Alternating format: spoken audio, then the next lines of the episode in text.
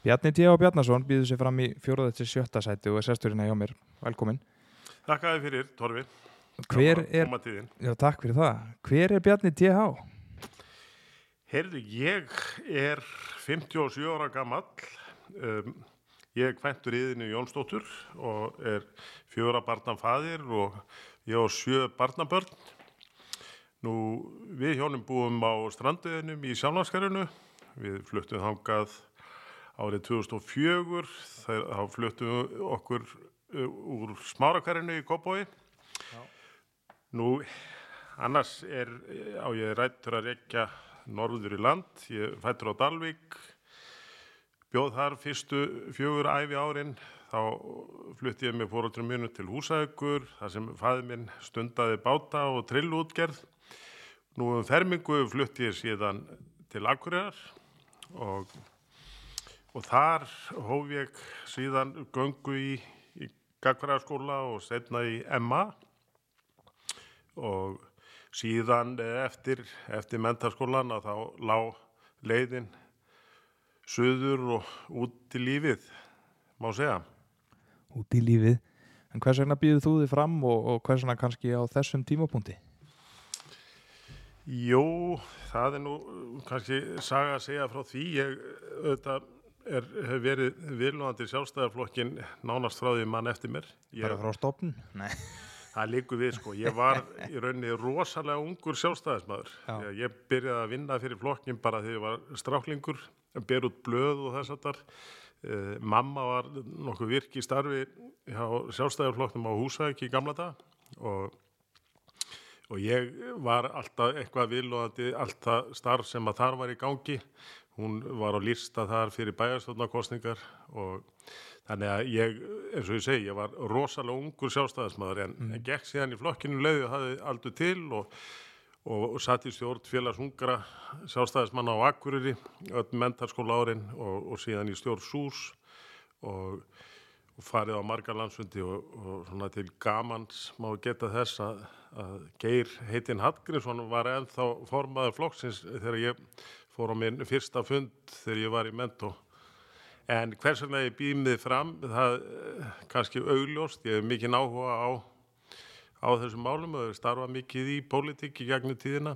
Ég var bæjarstjóri á Dalvik í fjögur ár, 2014 til 18, þannig að ég hef látið sveitarsjónamál svona mig varða tölvöld mikið og, og ég held að, að eftir þessi fjögur ár sem að ég hef núna verið varabæða fulltrú og sett, sett í stjórn fjölskyldur ás og verið viðlóðandi svona ímislegt hér og, og varaformaður sjálfstæðis félagsins að þá láð það alveg bent við að, að, að taka þetta skref og, og bjóða mig fram í þessu prókjöru þegar að tækifæri gafst til. Mm -hmm.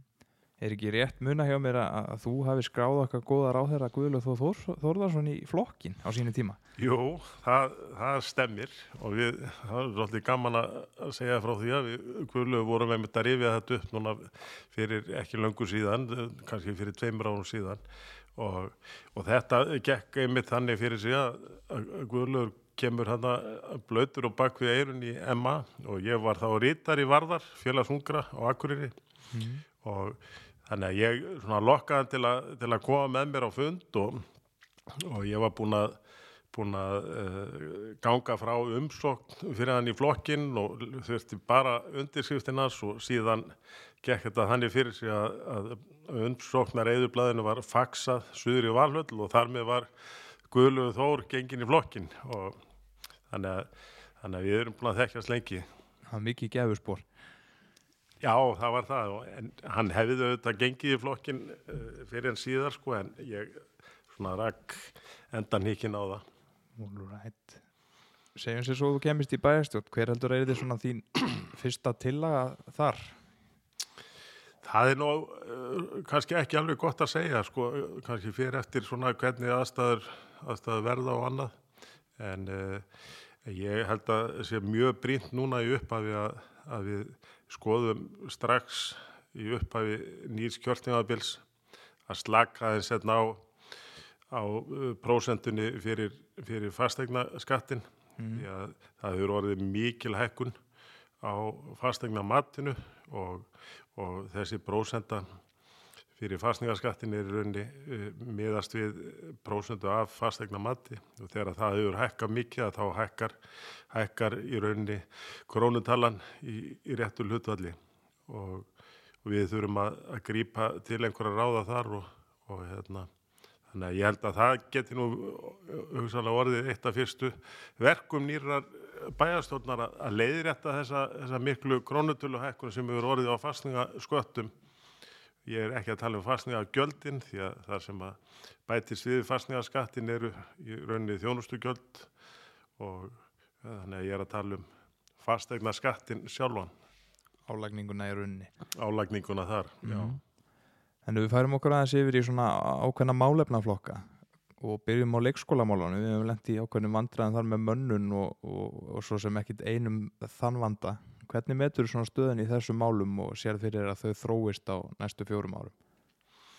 Já, þetta er náttúrulega alveglegt mála sem ekki hægt að manna leikskóla og, og hérna, ég eiginlega get alveg sagt eins og er að ég hef í raun og veru ekki svör við því akkur, akkur þetta er svona. Nú hefur, hefur nám leikskóla kennara verið lengt tölvert og, og það var gert fyrir nokkrum áru síðan og og hérna einhver hækkun launa sem fylgdu þar í kjölfarið en, en svo hvort að þessi launathróun hefur einhvern veginn staðið í stað það þekki bara ekki nægilega vel.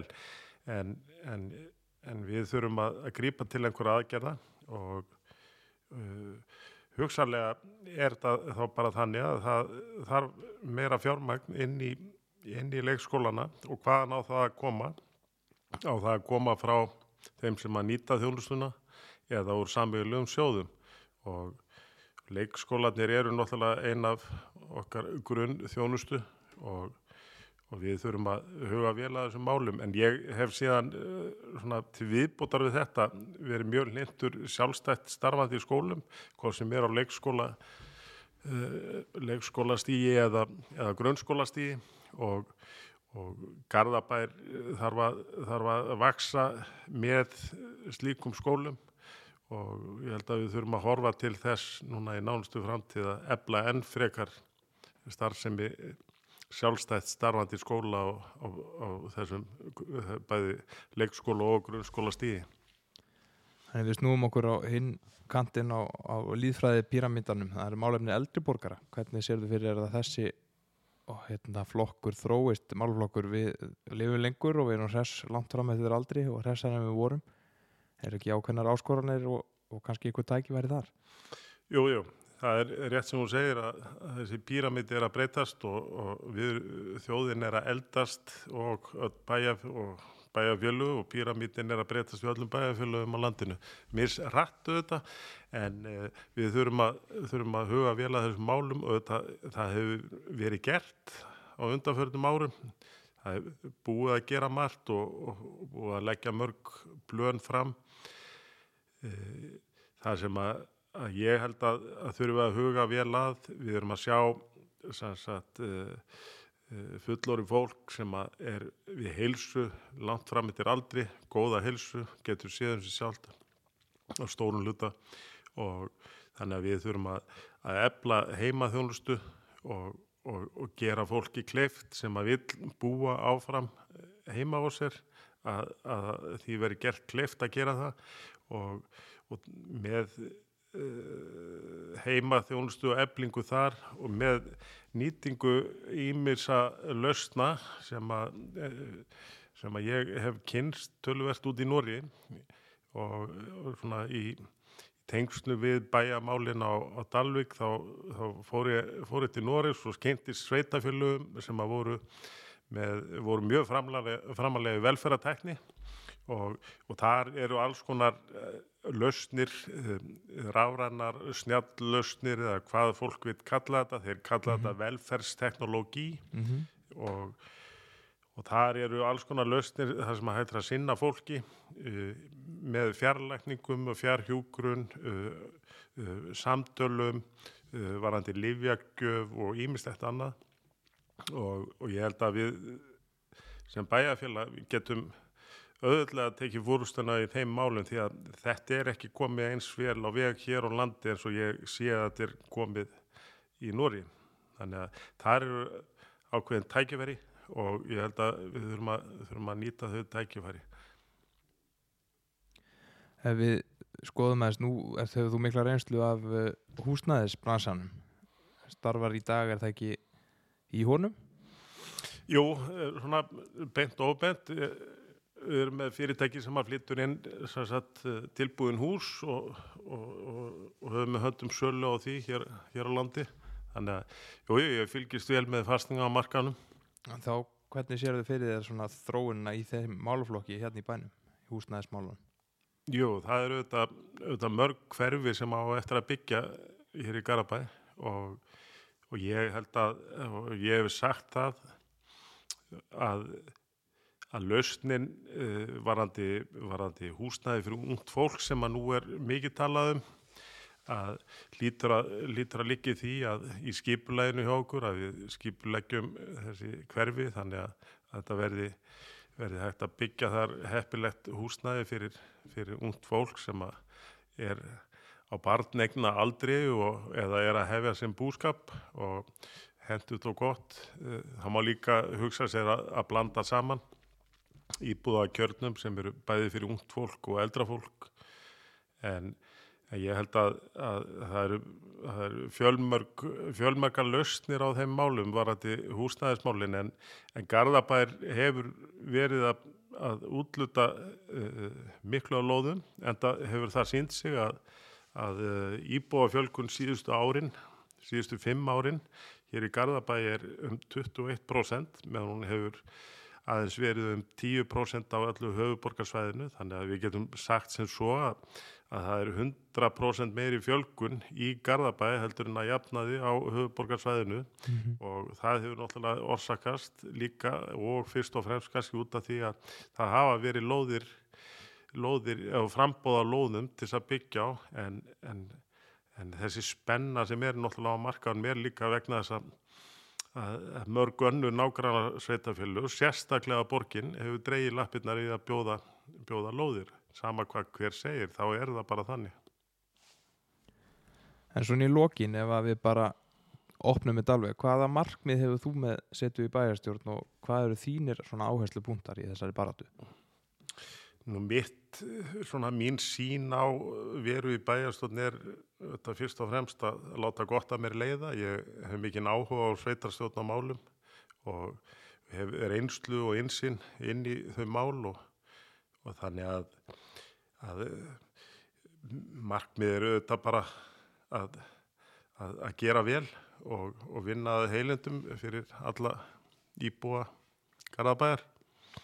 Uh, svona helstu mál, ég held að, að við þurfum að, að, að horfa til þess núna þegar, þegar við sjáum fram á enn frekari fólksaukningu þetta í bænum að við höldum vel á spöðunum og, og hérna, við verðum að vera á tánum varandi uppbyggingu og þjónustu.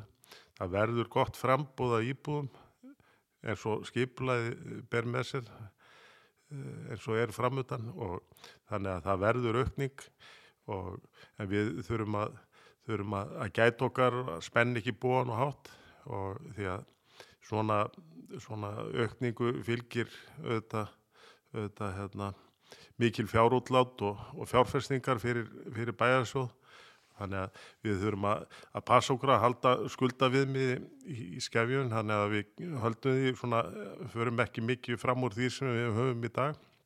Það er líka dýrt til í sveitafjölu að skulda pening og, og það kemur strax inn í, í framlegð í rekstrið og, og þá verður minna, minna til skiptana ef að, að sveitafjöla fer fram úr öllu valdi í skuldsetningu þannig að það þarf að gæta því og það þarf að vera, vera festaði þeim efnum, stiðjaði grunnþjónustuna og, og þá þjónustu sem að, sem að þarf að veita með þessari aukningu og og það má þó bara gæ, býða með einhver gæluverkefni ef að, ef að hérna, það vantar peningin í reksturinn.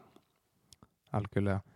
Kæra þakki fyrir komuna Bjarni. Já, bara takk fyrir tækifæri að koma hérna og, og spjalla við þig.